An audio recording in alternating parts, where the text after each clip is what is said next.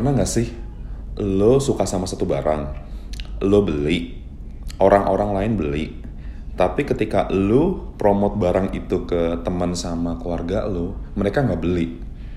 Sampai akhirnya barang-barang itu habis ludes, dihabisin orang lain, teman-teman sama keluarga lo nggak kebagian. Gue Banyu, selamat datang di podcast tercinta kita Ngerti, Denger, Teach Me. So, barang apakah yang dimaksud? Cie. Jadi, barang yang gue maksud itu sebenarnya gak jauh-jauh dari pasar modal, investasi atau saham. Jadi selama ini uh, kalau pengalaman kami, pengalaman gue juga, itu kalau misalnya kita mau encourage uh, investasi, encourage pasar modal atau tanya tentang pasar modal ke masyarakat itu masih belum tahu, masih belum tertarik sehingga yang terjadi kita nggak bisa manfaatin peluang sebenarnya ini sih udah sempat dibahas di uh, apa namanya episode-episode sebelumnya tuh di podcast kita yang waktu kita ngebahas nabung saham bareng Mita sama Gilman yang dari Bursa Efek Indonesia. Jadi uh, peluang yang dimaksud seperti apa sih? Peluang yang dimaksud adalah ya peluang seberapa bagus potensi pasar modal kita di event di kancah internasional. Karena kalau misalnya teman-teman belum tahu ya, kita ngomong kita selama ini sama bursa juga selalu encourage orang untuk uh, investasi di saham. Selalu masih ada beberapa apa ya beberapa anggapan-anggapan yang uh, keliru. Keliru dalam arti um, sebenarnya nggak kayak gitu. Kayak misalnya let's say oh saham itu apa ya saham itu judi ya nggak judi juga gitu. Tergantung tergantung lo sahamnya gimana. Apakah lo cap cup kembang kucup aja atau lo emang mempelajarinya? Kalau misalnya lo mempelajarinya terus lo pilih saham itu ya otomatis nggak judi dong. Karena ya karena ya apa namanya lo udah pelajarin lo nggak asal nembak aja. Tapi ketika lo nggak tahu apa-apa tiba-tiba lo milih saham A atau saham B ya itu bisa jadi spekulasi or, or judi. Jadi tergantung tergantung kita nyikapinnya terus let's say apalagi mitos-mitosnya ya saham itu ya ini uh, ada kaitannya saham itu eh, nggak uh, syariah Nah ini keliru juga nih, kenapa? Karena sejak 2011 pun itu MUI, Majelis Ulama Indonesia sudah mengeluarkan fatwa nomor 80 yang menyebutkan bahwa transaksi saham di Bursa Efek Indonesia itu eh, syar'i gitu. Karena ya balik lagi, bukan nggak nggak judi selama kita masih uh, selama kita mempertimbangkannya dengan baik-baik, saham itu nggak judi, itu udah sudah apa namanya? Ya kayak kita milih barang apalah, kita kan pasti pelajarin dulu kan, kita riset. Dan kita nggak milih uh, nembak aja gitu. Kita nggak spekulasi sama saham juga sama gitu. Terus apalagi ya macam-macam deh banyak banget uh, mitos-mitos sah mitos-mitos terkait investasi terkait saham yang yang nggak ini juga ya beberapa nggak salah juga. Kayak misalnya saham itu uh, ribet ribet itu relatif. Ribet maksudnya ribet belajarnya ya relatif relatif nggak uh, nggak gampang. Karena ketika lo mau mau mau jadi invest investor saham ya lo nggak nggak bisa dong lo asal asal milih saham aja. Terus tiba-tiba hmm, apa namanya uh, lo punya rekening saham itu terus tiba-tiba kalau misalnya sahamnya ternyata jelek ternyata bodong dalam tanda kutip terus lo marah-marah ya sebenarnya yang salah siapa sekarang ya salah kita kan sebenarnya karena kita nggak nggak mempelajari saham itu dengan baik kita malas belajar nah terkait malas belajarnya itu itu juga salah satu PR masyarakat kita juga sih ya. Jadi kalau misalnya ini sebenarnya um, gue nggak tahu berkaitan apa enggak, tapi gue yakin sih berkaitan sih. Um, apa namanya? Uh, tingkat or minat baca kita itu dari kalau nggak salah sekitar 62 apa 63 negara yang diobservasi di seluruh dunia itu kita terburuk kedua men minat baca kita tuh terburuk kedua lu bayangin. Ya bisa bisa kelihatan lah lu kalau misalnya nemu uh, berita-berita gitu ya. Uh, berita apa kita cuma lihat headline-nya aja nggak lihat isinya terus kita main share aja. Itu kan salah satu indikator bahwa kita malas baca bahwa masyarakat Indonesia malas baca. Nah malas bacanya ini ya berdampak kepada berbagai macam hal termasuk pengetahuan pasar modal. Nggak usah ngomong pasar modal dulu deh literasi keuangan kita juga salah satu yang terburuk di Asia Pasifik gitu. eh, nggak uh, usah kita ngomong negara-negara maju di Asia Pasifik gitu. Kita di dari tetangga ASEAN aja tuh kita masih kalah gitu. Kayak misalnya dari sisi literasi keuangan ya indeks literasi keuangan Indonesia tuh nilainya 60 kalau misalnya di compare Singapura 72 Malaysia 70 Thailand 68 even Vietnam aja tuh masih 63 poin nilai uh, indeks literasi keuangannya. Ya kalau kita ngomong literasi keuangan otomatis erat kaitannya sama financial planning. Financial planning Indonesia juga ya sama juga nggak nggak kalah nggak uh, kalah mirisnya kalau kita lihat. Indonesia tingkatnya cuma 75 kalau kita compare ke Singapura 80 Malaysia 82 Thailand 81 Vietnam 80 gitu. Even kita masih kalah dalam tanda kutip cerdas sama Vietnam gitu. Padahal kalau misalnya uh, balik lagi ke potensi pasar modal kita itu gede banget. Jadi kalau misalnya teman-teman yang belum yang belum familiar sama saham, belum familiar sama pasar modal, itu pasti kalau salah satu um, apa namanya pikirannya, oh saham itu nanti uh, rugi, uh, apa namanya ya, well saham kayak roller coaster pasti naik turun naik turun, tapi ketika kita naik roller coaster kita juga enjoy aja kan, pas pada akhirnya ketika roller coasternya berhenti kita fun semua kan, gitu, sama. Saham kan ibarat hidup aja, ibarat ibarat percintaan lah ada manisnya ada pahitnya. It's it's okay. Kalau misalnya lagi uh, sahamnya lagi naik ya bagus. Tapi kalau lagi turun tergantung nih turunnya karena apa. Kalau misalnya lo yakin saham yang lo pilih adalah saham bagus harga turun means bukan lo rugi. Tapi justru itu adalah diskon. Diskon means lo harus beli lebih banyak. Kenapa gue bilang bukan rugi? Ya lo selama nggak jual saham itu otomatis lo belum rugi dong ya nggak Bener dong, misalnya saham harganya 100, terus tiba-tiba turun 80. Emang lo jadi rugi 20? Enggak dong. Kecuali kalau lo jual saham itu seharga 80, ya rugi. Tapi kalau misalnya enggak, dan lo yakin saham lo itu bagus, ya berarti diskon berapa tuh?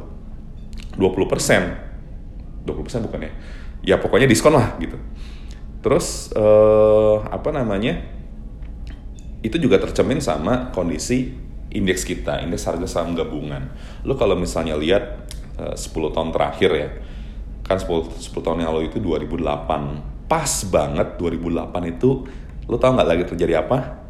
Yes subprime mortgage crisis. Itu krisis global krisis keuangan di mana uh, eh, memang apa namanya berawalnya itu dari US yang Lehman Brothers bang bangkrut tapi kemudian merambah ke seluruh dunia.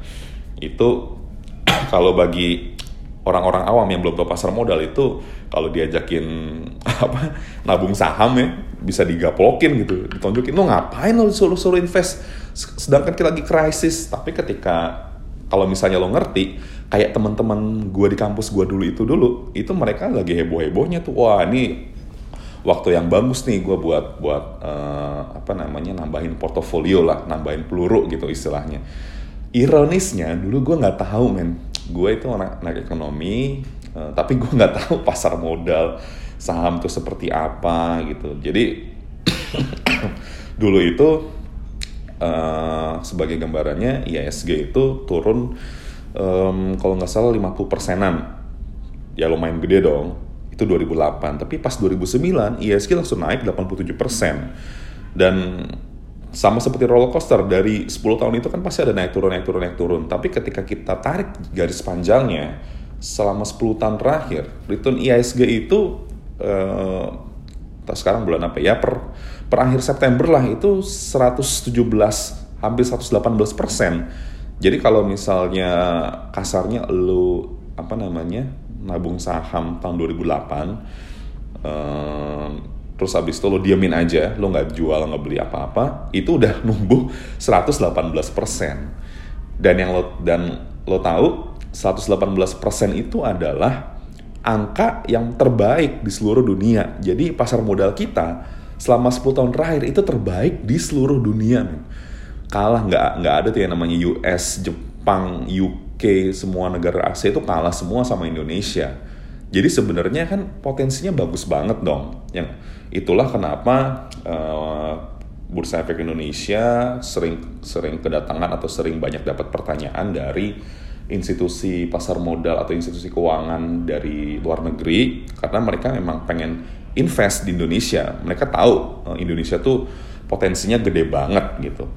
Nah, sayangnya hal yang sama tidak terjadi di negara kita sendiri. Tadi yang gue bilang, um, apa namanya orang-orang lain berebutan nih, uh, apa namanya berebutan untuk beli uh, satu barang, barang itu barang yang gue suka. Tapi sayangnya teman-teman sama keluarga gue, means masyarakat Indonesia, means uh, kita sendiri itu nggak tahu, even nggak nggak nyadar akhirnya barangnya keburu abis duluan gitu. Pasar modal Indonesia keburu di dikuasain asing duluan dan itu tercermin di apa namanya di tadi satu uh, tingkat literasi keuangan ya. Terus ketika kita ngomong tingkat literasi keuangan, kalau di industri keuangan kan ada ada beberapa ini ya, beberapa eh sorry kalau di sektor keuangan tuh ada beberapa industri kayak misalnya banking, asuransi, dana pensiun, terus pembiayaan or financing, pegadaian, BPJS segala macam. Lo tau yang paling paling tinggi literasinya di mana? Ya jelas banking, ya nggak siapa yang nggak butuh bank, siapa yang nggak tahu uh, cara nabung or or produk-produk bank. Jadi bank yang paling tinggi literasinya itu sekitar 3, uh, 29 28,9 persen lah.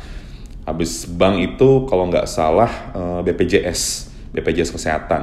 Iya dong, lo pasti uh, pasti banyak di antara lo tahu BPJS kesehatan itu apa, gimana prosesnya kemudian uh, apa namanya kebutuhannya siapa yang nggak butuh BPJS kesehatan.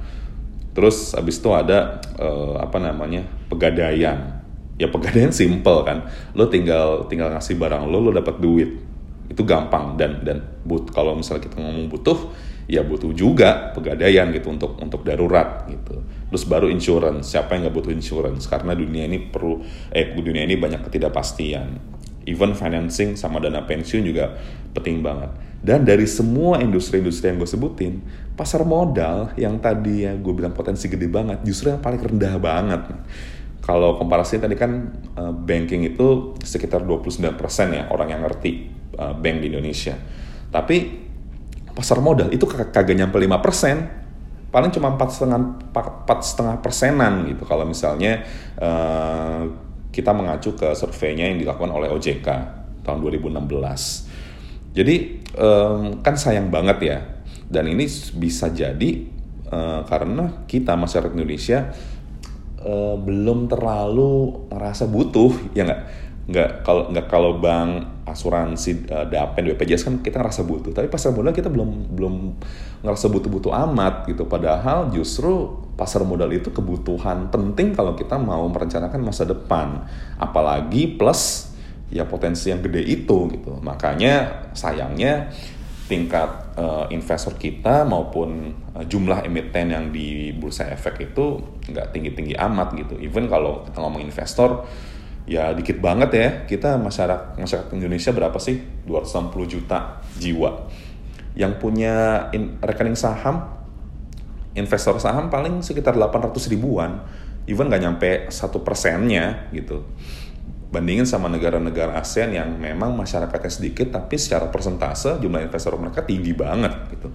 Kita ngomong Thailand itu tinggi banget, mereka udah udah nyadar banget bahwa ya investasi di pasar modal itu penting. Gitu. Nah makanya inilah tugas tugas uh, Teach Me untuk meningkatkan minat dan uh, apa namanya literasi di pasar modal. Caranya gimana? Macem-macem.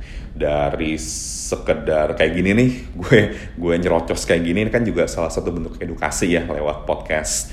Kemudian ada beberapa apa sosial media kita juga ada beberapa trivia tentang pasar modal, even latihan-latihan soal. Tapi um, kita ngerasa nggak nggak cukup gitu aja. Jadi kita mengadakan beberapa program atau kelas. Nah, program seperti apa? Kita nggak mau bikin program yang yang langsung, misalnya kita kita uh, tujuannya meningkatkan jumlah investor. Ya, meningkat jumlah investor it's one thing. Tapi ketika investor banyak tapi mereka nggak ngerti, akhirnya pada pada akhirnya itu nggak invest kan sama aja bohong. Makanya kita coba lihat root cause itu seperti apa sih. Lu kalau misalnya mau invest saham, apa sih yang lu butuhin? Nah, kita merasa bahwa yang paling dibutuhkan pertama-tama adalah financial planning. Karena balik lagi, literasi keuangan kita juga masih rendah. Boro-boro ngomongin pasar modal. Jadi gambaran gini, lu kalau misalnya mau encourage orang untuk invest di saham gitu, kan lo harus tahu dulu dong, lo mau invest di mana satu dan kedua lo jumlah berapa besar jumlah yang mau yang mau lo invest. Nah, berapa jumlah yang mau invest kan tergantung dari seberapa besar duit lo ya nggak seberapa banyak duit lo ya taruhlah misalnya um, kita punya penghasilan sekian. Masalahnya adalah mindset kita kadang-kadang keliru apalagi nih buat biasanya tuh buat fresh graduate ya. Jadi um, mereka berpikir yang paling penting adalah berapa besar gaji lo gitu. Padahal yang paling penting adalah berapa besar gaji lo yang tersisa gitu. Maksudnya gini um, lo misalnya punya punya duit 10 juta tapi habisnya 9 juta even 11 juta karena lo ngutang. Ya mendingan lo punya duit atau punya uh, dapat gaji cuma 5 juta tapi lo bisa uh, nyisain uh, eh, 4 juta ya nggak? Sisanya itu uh, bisa lo invest gitu. Nah inilah yang mau kita tanamin prinsipnya di kelas financial planning. Jadi um, nanti akan di apa diajarin gimana cara ngelola keuangan yang benar, alokasinya uh, berapa persen yang sehat, terus investasinya mau di mana. Nah, once kita udah tahu nih, oke, okay, gue gue tahu dengan gaji sekian gue mau uh, invest uh, berapa persen, gue mau konsum berapa persen, gue mau nabung berapa persen. Nah, nextnya baru kita arahin, gue mau invest di mana. Nah, kalau misalnya kita ngomong pasar modal, kalau dari Teach Me selalu encourage orang untuk di reksadana dulu gitu. Jadi nggak langsung ke saham. Kenapa? Karena kalau di reksadana itu sebenarnya uh, paling gampang loh ininya, paling uh, paling paling familiar untuk investor-investor pemula karena kita simply ngasih uang kita, kita simply nitipin uang kita ke manajer investasi or MI or fund manager untuk dikelola sehingga menghasilkan return yang uh, tinggi gitu dari reksadana yang mereka jual. Jadi nanti ya udah uh, sering berjalannya waktu uh, apa namanya uh, kita invest uh, reksadana sering waktu juga kita akan belajar dapat feelnya.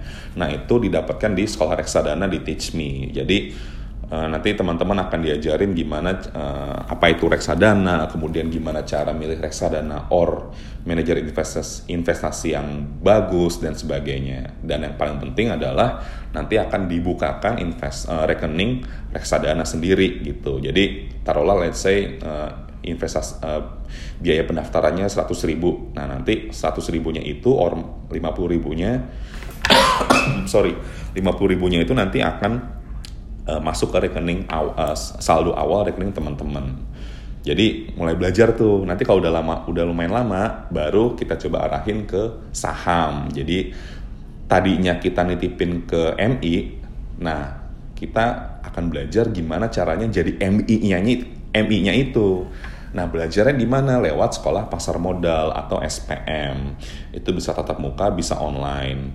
Nanti sebenarnya konsepnya sama kayak sekolah reksadana. Jadi teman-teman belajar seharian apa itu saham, apa itu pasar modal, kemudian uh, sedikit tips gimana cara milih uh, saham yang baik nanti pas di akhir hari dibukain rekeningnya tapi balik lagi kalau misalnya kita belajar itu semua dalam satu hari kan tentunya eh, nggak uh, bisa terlalu dalam. Jadi memang SPM ini ditujukan untuk uh, calon investor pemula aja. Nanti once udah lulus SPM dalam tanda kutip, itu kita ada beberapa kelas lagi namanya value investing eh, dan technical analysis. Nanti di situ akan diajarin tuh, oke okay, gue udah punya nih rekening saham Terus gimana dong ajarin gue dong uh, cara milih saham yang baik itu seperti apa, apa apa aja yang dilihat, uh, apa apa namanya kapan waktu uh, eh, waktu yang tepat. Nah itu nanti teman-teman bisa belajar tuh uh, di kelas value investing atau technical analysis. Jadi nanti selain selain tahu saham-saham seperti apa yang bagus, kemudian tips-tips gimana uh, money management teman-teman. Oke, gue mau alokasiin di saham A sekian persen, saham B sekian persen itu uh, nanti akan diajarin lebih dalam lagi seharian di sana. Jadi outputnya Teach Me mengharapkan setelah ikut kelas-kelas itu teman-teman bisa jadi investor yang berkualitas means investor-investor yang bisa bisa uh, milih saham yang bagus seperti apa dan dan pada akhirnya jadi apa ya jadi investor yang sukses. Profitnya tinggi dan akhirnya teman-teman bisa encourage orang-orang lain encourage keluarga atau teman-teman sendiri itu untuk untuk ikutan jadi investor. Karena pengalaman kita itu nggak nggak gampang loh. Gue tanya deh ke lo yang yang dengar nih sekarang nih yang misalnya udah jadi investor lo udah pernah belum ngajakin teman sama keluarga lo untuk jadi investor? Kalau misalnya udah pernah gampang nggak? Gue yakin jawabannya itu banyak banget yang merasa nggak gampang. Karena ya ya balik lagi isu-isunya sama kurang lebih sama. Jadi gue rapin uh, apa namanya uh, insight-insight yang gue share di episode ini bisa cukup membantu gitu. Nanti kalau misalnya teman-teman mau belajar ilmu-ilmu yang lain terkait pasar modal selain buat investor, Teach Me juga banyak banyak kelas sih. Kayak misalnya kalau teman-teman mau belajar pasar modal syariah, kita punya sekolah pasar modal syariah dan pendidikan dasar pasar modal syariah bekerja sama dengan DSN MUI. Kemudian kalau misalnya teman-teman mau belajar, ah enggak, gue mau belajar accounting dong. Gue gue basicnya bukan accounting nih, tapi gue mau belajar accounting. Kita punya kelasnya.